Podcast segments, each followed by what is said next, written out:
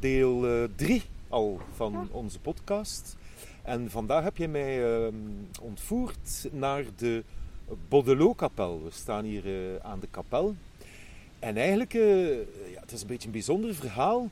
Het is een verhaal die begint met een verlangen naar eenvoud en armoede. Eenvoud, armoede en hard labeur. Dus de Baudelot-abdij is eigenlijk een nieuwe aanwinst in Gent. Komt maar in Gent neergestreken in de 16e eeuw. Maar is wel onlosmakelijk met de geschiedenis van Gent verbonden. Want het is een zekere Boudewijn van Boekel, een uh, Benedictijnermonnik uit de Sint-Pietersabdij, die genoeg heeft van dat rijkelijke Benedictijnenleven. En die aan zijn abt vraagt om weg te mogen trekken. En hij krijgt daar de toestemming voor en hij doet dat. Hij strijkt neer in uh, Klein Sinaï, dat is uh, de kanten van Stekenen, het Waasland. Ah ja, dus de man trekt naar het Waasland. Ja, ja eigenlijk naar de Wastinen en Moeren, de, de, de woestenij en de, en de moerassen van het Waasland om daar ontginningswerk te doen. Dus eigenlijk heel bewust weg, zeg maar, een stuk van de beschaving van de grote stad Gent, die Gent dan wel is. Trekt die man naar wat zeg je, de woestinen en de moeren. En de moeren. Dat klinkt nat en zeer arm. Dat, dat, dat is inderdaad wel een mooie samenvatting. En dat was ook een um, beweging in het kloosterleven in de 11e en 12e eeuw, die door nog mensen gevolgd werd. Er zijn een aantal mensen die gewoon ontevreden zijn met dat Benedictijnerleven en die zeggen um, dat, dat er ook andere manieren zijn om godsvruchtig te leven. Goed, uh, onze vriend uh, Boudewijn van Boekel die, die trekt naar uh, Klein Sinai. En ja, wat, heeft hij daar grond? heeft hij daar eigendom? ja, want hij gaat zich daar niet zomaar gaan vestigen. Hij krijgt 30 hectare, dus dat is niet niets van de graaf van Vlaanderen, Boudewijn de negende. Hij krijgt ook nog wat weiland, hij krijgt een molen. En hij sticht daar een kloostergemeenschap. En het is de bedoeling dat de monniken daar echt op het uh, land gaan werken. En zeker in de beginjaren is het daar pover en echt arm. Want hij gaat met zijn abdij aansluiting zoeken bij de Cisterciënzenorde. Dat is een nieuwe kloosterorde die zich uh, van de Benedictijnen onderscheidt door de harde werk.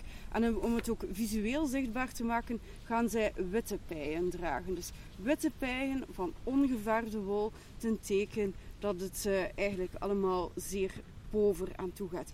En zelfs zijn mede-cisterciënten die in zijn abdij op bezoek komen, die vinden het daar zodanig armtierig dat zij aan hun eigen kloosters vragen: laat ons alstublieft naar huis terugkeren, want in Klein Sinaï daar is het uh, een te arm leven. Ah, kijk eens aan, dus het was voor sommige monniken dan toch net iets te uh, wat uh, Boudewijn daar uh, van plan was. Ja, ja, ja. U gezegd, hij, hij verandert dus eigenlijk van orde. Hij gaat weg bij de Benedictijnen en hij sluit zich aan bij de Cisterciënzen. Cisterciënzen, Dat is Bernardus van Clairvaux. Klopt, ja. ja, ja. Gesticht op het einde van de, van de 11e eeuw um, om dat rijkelijk kloosterleven tegen te gaan.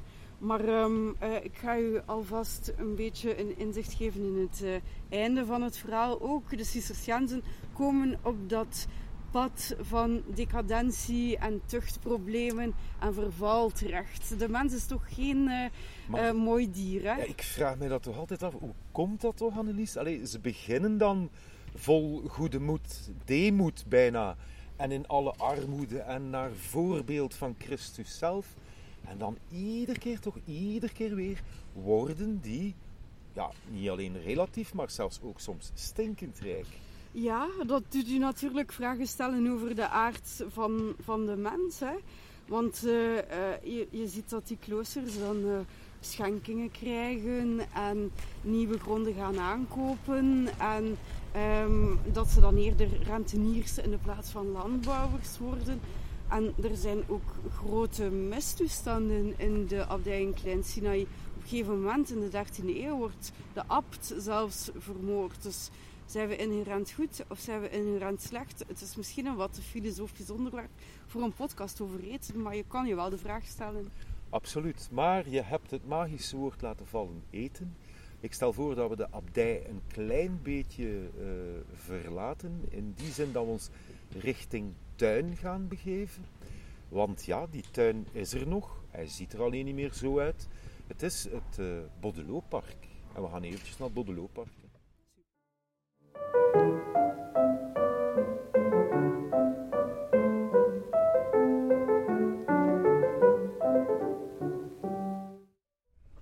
Jan Lies, lekker eten. Konden zij lekker eten in Klein Sinai?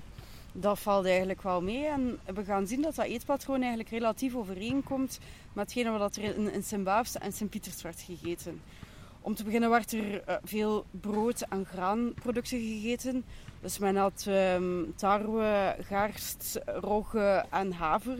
De haver uh, was bestemd als uh, voedergewas voor de paarden van de abt. Maar die paarden zelf die werden niet gegeten. Die werden begraven op een paardenkerkhof. We hebben het geluk dat er van Kleinstekenen eigenlijk veel uh, archeologisch materiaal uh, bewaard is. We hebben um, botjes en graten.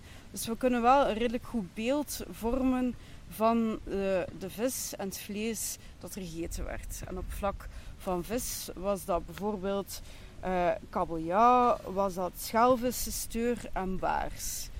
Dus uh, zeevis? Ja, eigenlijk is er daar um, meer zeevis gevonden dan dat je zou verwachten. Je zou verwachten dat er veel meer zoetwatervis ja? in die afvalputten zit. Uh, omdat men ook het visrecht heeft op de Durmen, dat er visputten zijn. Maar misschien zijn die uh, zoetwatervissen wat minder bewaard. Um, wat dat er wel goed bewaard is, zijn de schelpjes van, van mosselen, van wulken, van, van oesters. En als je je dan afvraagt van hoe waren uh, die ingrediënten bereid, dan kan je eens een uh, blik werpen op de middeleeuwse kookboeken en zien dat schelvis bijvoorbeeld bereid werd met een amandelsausje, kabeljauw met een beetje look en dat die steur wel eens bereid kon worden met wijn en peterselie. Ja, dat, dat zijn recepten die uh, het waard zouden zijn om in een hedendaags toprestaurant, visrestaurant, geserveerd te worden. Ja, dat is uh, uh, ook misschien wel een mooie inspiratiebron, die, die oude recepten. Want je ziet dat sommige ingrediënten die wij op een bepaalde manier kennen, in het verleden op een heel andere manier geserveerd worden. Bijvoorbeeld oesters, die we nu bijna altijd rauw eten, werden in de middeleeuwen vaak verwerkt in een stoofpotje, bijvoorbeeld met bier, of gegrild met een, een beetje boter. Amai, en dat dan voor Cisterciensers, die dus uh, sober, sober, ja. sober waren. Goed. Ja. Nu, uh, Annelies, uh, we moeten misschien toch de stap maken van, van Sinai naar Gent. Maar vooraleer we dat doen, stel ik voor dat we nog eventjes een klein wandelingetje maken in het Baudelot-park, de voormalige tuin van de abdij.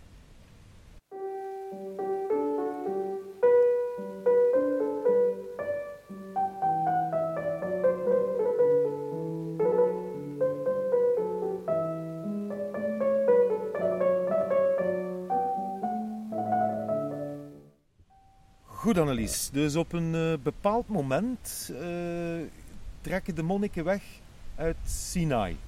Ja. Waarom? Wel, de abdij daar is getroffen door enorm veel rampspoed in de 16e eeuw.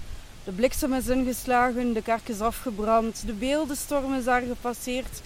Maar wat er echt misgelopen is, is de belegering en de plundering van de abdij door de Gentenaren in 1578. Dat um, is gedaan door dezelfde mensen die ook de Sint-Pietersabdij hebben geplunderd in tijden van de Calvinistische Republiek. En in tegenstelling tot Sint-Pieters heeft men beslist om de site in Klein Sinaï te verlaten en een andere site te gaan kiezen. Was het een uh, bewuste keuze of was het, was het echt zo uh, vernield dat het eigenlijk de moeite niet meer waard was? Men is daar een beetje dubbel over. Sommige historici zeggen van eigenlijk had men perfect kunnen terugkeren naar Klein Sinaï en had men de site terug kunnen heropbouwen.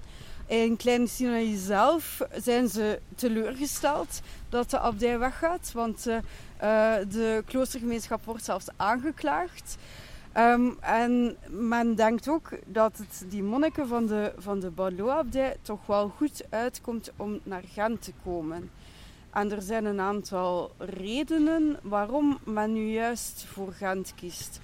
Om te beginnen is de locatie in Gent waar ze naartoe trekken een refuge of vluchthuis binnen de stadsmuren. En dat is in de 16e eeuw zeer belangrijk. Dat Waasland, daar ligt die bevochten grens met Nederland. Ja. Dus dan is het veel interessanter om veilig in de stad te gaan uh, nestelen. Ja, ja, ja. En die refuge die, die bevindt zich waar? Die bevindt zich op de plaats waar de Baudelot-abdij, de Baudelot-kapel zich nu bevindt. Ah ja. De monniken van, uh, van zijn een beetje de grootgrondbezitters van de Ottogracht geworden. Aha. Al voor ze naar, uh, uh, naar Gent verhuisd zijn. Dus ze hadden hier een eigen vluchthuis. Maar ze kopen ook de verschillende andere eigendommen op. Het Hof van Overwallen en het Hof van Herzelen. Die een beetje op de punt aan Sint-Jacobs liggen. Die gaan ze opkopen. Uh, ze gaan dan later ook grond verwerven in, in de Steendam. En dat plekje in Gent is eigenlijk al lang vrij belangrijk. Het is een opslagplaats voor graan dat ze via rivier naar Gent vervo uh, vervoeren. Um, en um, ze, hebben, ze hebben ook meer geestelijke belangen met Gent. Er zijn ja. hier al veel langer een aantal vrouwelijke Cistercianinnen-kloosters. Bijvoorbeeld de Bijloken, bijvoorbeeld de Nieuwe Bos. En zoals men daar in de middeleeuwen over dacht, kon je um, vrouwengemeenschappen toch niet zelfbesturend laten zijn. Dus, um, oh. ja, ja, ja, ja. Dus de, de abt van Baudelot had een zeer duidelijke stem in de verkiezing van de abdis van de Bijloken. Uh, de zakelijke belangen moesten afgetoetst worden bij uh, uh, mannelijke deskundigen. De abt van Baudelot moest ook instaan voor de geestelijke vorming van de dames, de Cistercianinsen. En hij moest een aantal keer per jaar in die kloosters op bezoek komen. Dus voor alle duidelijkheid, de heren, hun abdij in Sinaï wordt vernield. Ze beslissen dan maar och, we gaan ons dan maar uh, settelen in Gent. Het is daar veiliger, want we zitten daar binnen de muren van de, van de Arteveldenstad. En kijk eens hoe handig. Er zijn daar ook nog twee uh, kloosters waar uh, collega's dames zitten. Dus daar kunnen we daar met de ene ook nog een keer een beetje baas gaan overspelen. Ja, het was goed leven in Gent blijkbaar. Het was blijkbaar zeer goed leven in Gent. Annelies, ik stel voor dat we nog een klein beetje uh, verder stappen. Goed.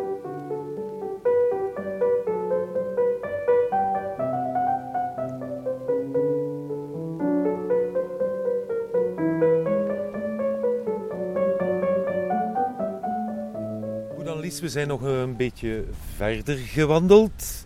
We zitten nu een klein beetje in het zonnetje, maar dat mag ook wel eens. Dus de heren zijn naar Gent gekomen. Uh, laat ik het een beetje sarcastisch zeggen. Komen hier ook nog een beetje baas spelen over hun vrouwelijke collega's. Maar uh, eer weer toekomt, zij bouwen hier dus zo'n beetje de wijk uh, rond het Sint-Jacobs verder uit. Ze zijn er trouwens ook zo goed als eigenaar van, als ik het goed begrijp. Ja, dat klopt. En ook in andere delen van de stad hebben ze trouwens eigen oh, kijk eens aan. Ja. ja, de kanten van de Molenaarstraat, daar hebben ze een heel aantal huizen. Uh, ik denk zelfs een, een dertigtal. Dus ze zijn helemaal rente, gaan rentenieren. Ja, dat is uh, ver van uh, Boudewijn, die wegloopt uit de Sint-Pietersabdij, omdat allemaal zo te veel werd. Ja, zeker. En uh, wanneer dat ze dan terug in Gent aankomen, beginnen ze het hier uh, naar een zin te maken. Want er wordt een, een kerk gebouwd in het begin van de 17e eeuw. Ja. Er wordt een klooster gebouwd dat eigenlijk ook wel rijkelijk uh, gedecoreerd wordt. Um, het is een beetje een raar culinair verhaal, maar desondanks een culinair verhaal. Een van de schilderijen die gemaakt wordt in opdracht van de Baudelot-abdij is een zogenaamd lactatievisioen. Dus uh, Bernardus van Clairvaux zou een soort droom gehad hebben Ja. waarin hij aanwezig zou zijn geweest bij de Maagd Maria die haar kindje aan het voeden zou geweest zijn, dus de borst aan het geven.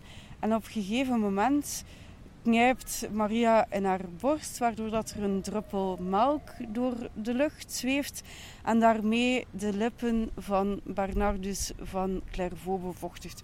Dus ja, iedereen heeft zijn eigen religieuze visioenen, maar alleszins is dat een, een, een schilderij dat besteld wordt uh, door uh, de, de heren van de Badelot-abdij. Zij bestellen glasramen en kunstwerken en Ja. uh, rijkelijk versierd meubilair. Kunnen we dat schilderij nog ergens zien, uh, Annelies? Ja, het is eh, eigendom van het eh, MSK nu. Aha, dus met z'n allen naar het MSK om de vliegende druppel melk De vliegende van de heilige maagd Maria richting Bernardus van Clairvaux te zien. Ja, ja, ja. Eh eventjes terugkomen op het culinair verhaal. Eh, wat weten we van eh, deze brave mannen en wat ze eten in Gent? Is dat nog een beetje hetzelfde als in Sinai? of is er daar al wat verfijning? Of nog meer verfijning? Nog meer verfijning, ja. En wat dat ook al opvalt, is dat zij helemaal geen, geen link meer hebben met het plattelandsleven en dat zij eten inkopen. Hmm. Ehm, je ziet dat er, dat er nog altijd vis wordt eh, ingekocht. En dat gaat dan wijting en, eh, en schelvis zijn. En, en ook kabeljauw. Kabeljauw is eh, zeer belangrijk geworden vanaf de 17e eeuw. En ehm, ook daar kunnen we een keer ehm, in de contemporaine kookboeken gaan, gaan kijken. eh, ehm, die vis, daar, daar kan je bijvoorbeeld visworst van maken of geroosterde kabeljauw met gedroogde haring die dan met citroensap besprenkeld wordt. Ehm, lijkt me eigenlijk nog wel lekker. Ja, klinkt ook heel lekker. Eh, eh, die visworst, dat spreekt mij gelijk iets minder aan. eh. nu, ik weet dat jij regelmatig eens van die recepten zelf maakt. Heb jij al visworst Nee, gefabriceerd? nee, visworst nog niet, maar wel bijvoorbeeld zo zalmburgertjes op dezelfde manier als die visworst. En dan, eh, dat is eigenlijk nog best wel lekker. Dat wordt dan eh, op smaak gebracht met een beetje verjus. Dat is eh, een, een vervanger voor azijn. Dus dat, dat geeft echt wel zo een heel frisse smaak. Dus die, die vroeg moderne keuken, die keuken van de zeven- 17e eeuw, die begint al meer en meer begrijpelijk te worden. Mhm. Je hebt daar een, een zeer bekend eh, kookboek van, van Karel Baten, die, die eh, een eh, Vlaming is, die dan na de val van Antwerpen gevlucht is naar Noord-Nederland. Die heeft eigenlijk een van de succesvolste kookboeken van de Gouden Eeuw geschreven. We zullen daar toch eens moeten van proeven bij gelegenheid. Hè? Ehm, Annelies, we moeten het natuurlijk hebben, zoals altijd in ons verhalen rond de abdij. Op een bepaald moment is het gedaan. En in tegenstelling tot eh Sint-Baafsabdij, waar we nog wel een aantal ruïnes van kunnen zien. En ja, dat heeft natuurlijk te maken met het feit dat keizer Karel daar zijn ding gedaan heeft. Sint-Pietersabdij, waar we eigenlijk nog wel best veel zien van, eh, van de abdij. Maar de Baudelot-abdij, ja, ze is weg, hè? Het, de gebouwen hebben een, andere bestemming gekregen. Er, staan eigenlijk best nog wel wat gebouwen. Ehm, bijvoorbeeld de school aan de Ottogracht. Dat is het eh, gerecupereerde abdijgebouw. En ehm, men heeft die in 1797 omgevormd tot school. Men, de Fransen hebben eigenlijk een voorbeeld willen stellen. De Badelot-abdij was een, een rijke abdij. Het is ook de eerste abdij die omgevormd wordt. Dus maar veel machtsvertoon heeft men de abdij een, een andere bestemming gegeven. Ah, dus ze wordt een school. Een school. Wat ze tot op de dag van vandaag toch nog is voor een Toch stuk. nog eens. Ja. Ja, ja, ja. Daarnaast eh, heb ik eh, gelezen in uw alweer zeer uitgebreid onderzoekswerk dat het ook een bibliotheek geweest is. Het is ook een bibliotheek geweest, want de, de Baudelot-abdij heeft eh, in de loop van de geschiedenis een, een bijzonder rijke boekencollectie opgebouwd. Ehm, ze hebben die zelf opgebouwd, maar hebben die ook bijvoorbeeld eh, overgekocht van de Jezuïeten die in de Steendam zaten. En op het moment dat de uh, abdijen in Gent afgeschaft worden, um, zijn er een aantal intellectuelen die dat zonde zouden vinden als dat rijk erfgoed verloren zou gaan. En een van de belangrijkste voorvechters daarvoor is uh, Karel van Hultem. Um, die een filoloog is, ook een botanicus, heeft verschillende universitaire diploma's. En die gaat zich uh, opwerpen als beschermheer en gaat bijvoorbeeld een kunstmuseum van religieuze kunst in de Onze Lieve Vrouw Sint-Pieters oprichten. En gaat de gebouwen van de Baudelot-abdij ook gebruiken als um, archief en als bibliotheek. Gent zal um, op die manier een, een um, publieke stadsbibliotheek hebben. Je moet dat niet voorstellen als wat we nu kennen in de krook. Je kon niet tussen die boeken gaan wandelen. Uh, je kon in de catalogus opzoeken wat dat je wou inkijken en dan werd het voor jou gehaald. Maar de boekencollectie is bewaard.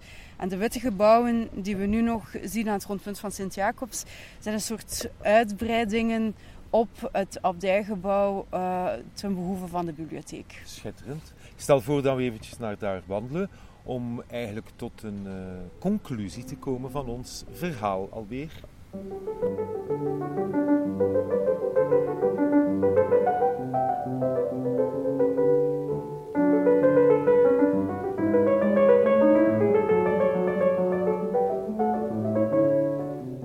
Goed, Annelies, we staan hier aan uh, de voormalige bibliotheek. Vooraleer we het verder hebben over de boeken. Het is uh, vandaag de zoveelste warme dag in, uh, in Rij.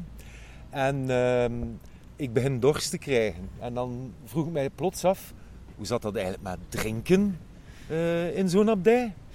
Ja, um, ook, ook de rekeningen van de drank zijn in het archief van uh, bewaard.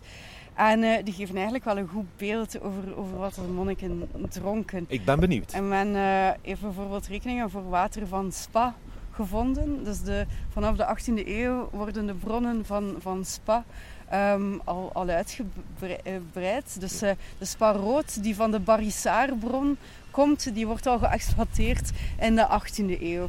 Uh, Schitterend. ja.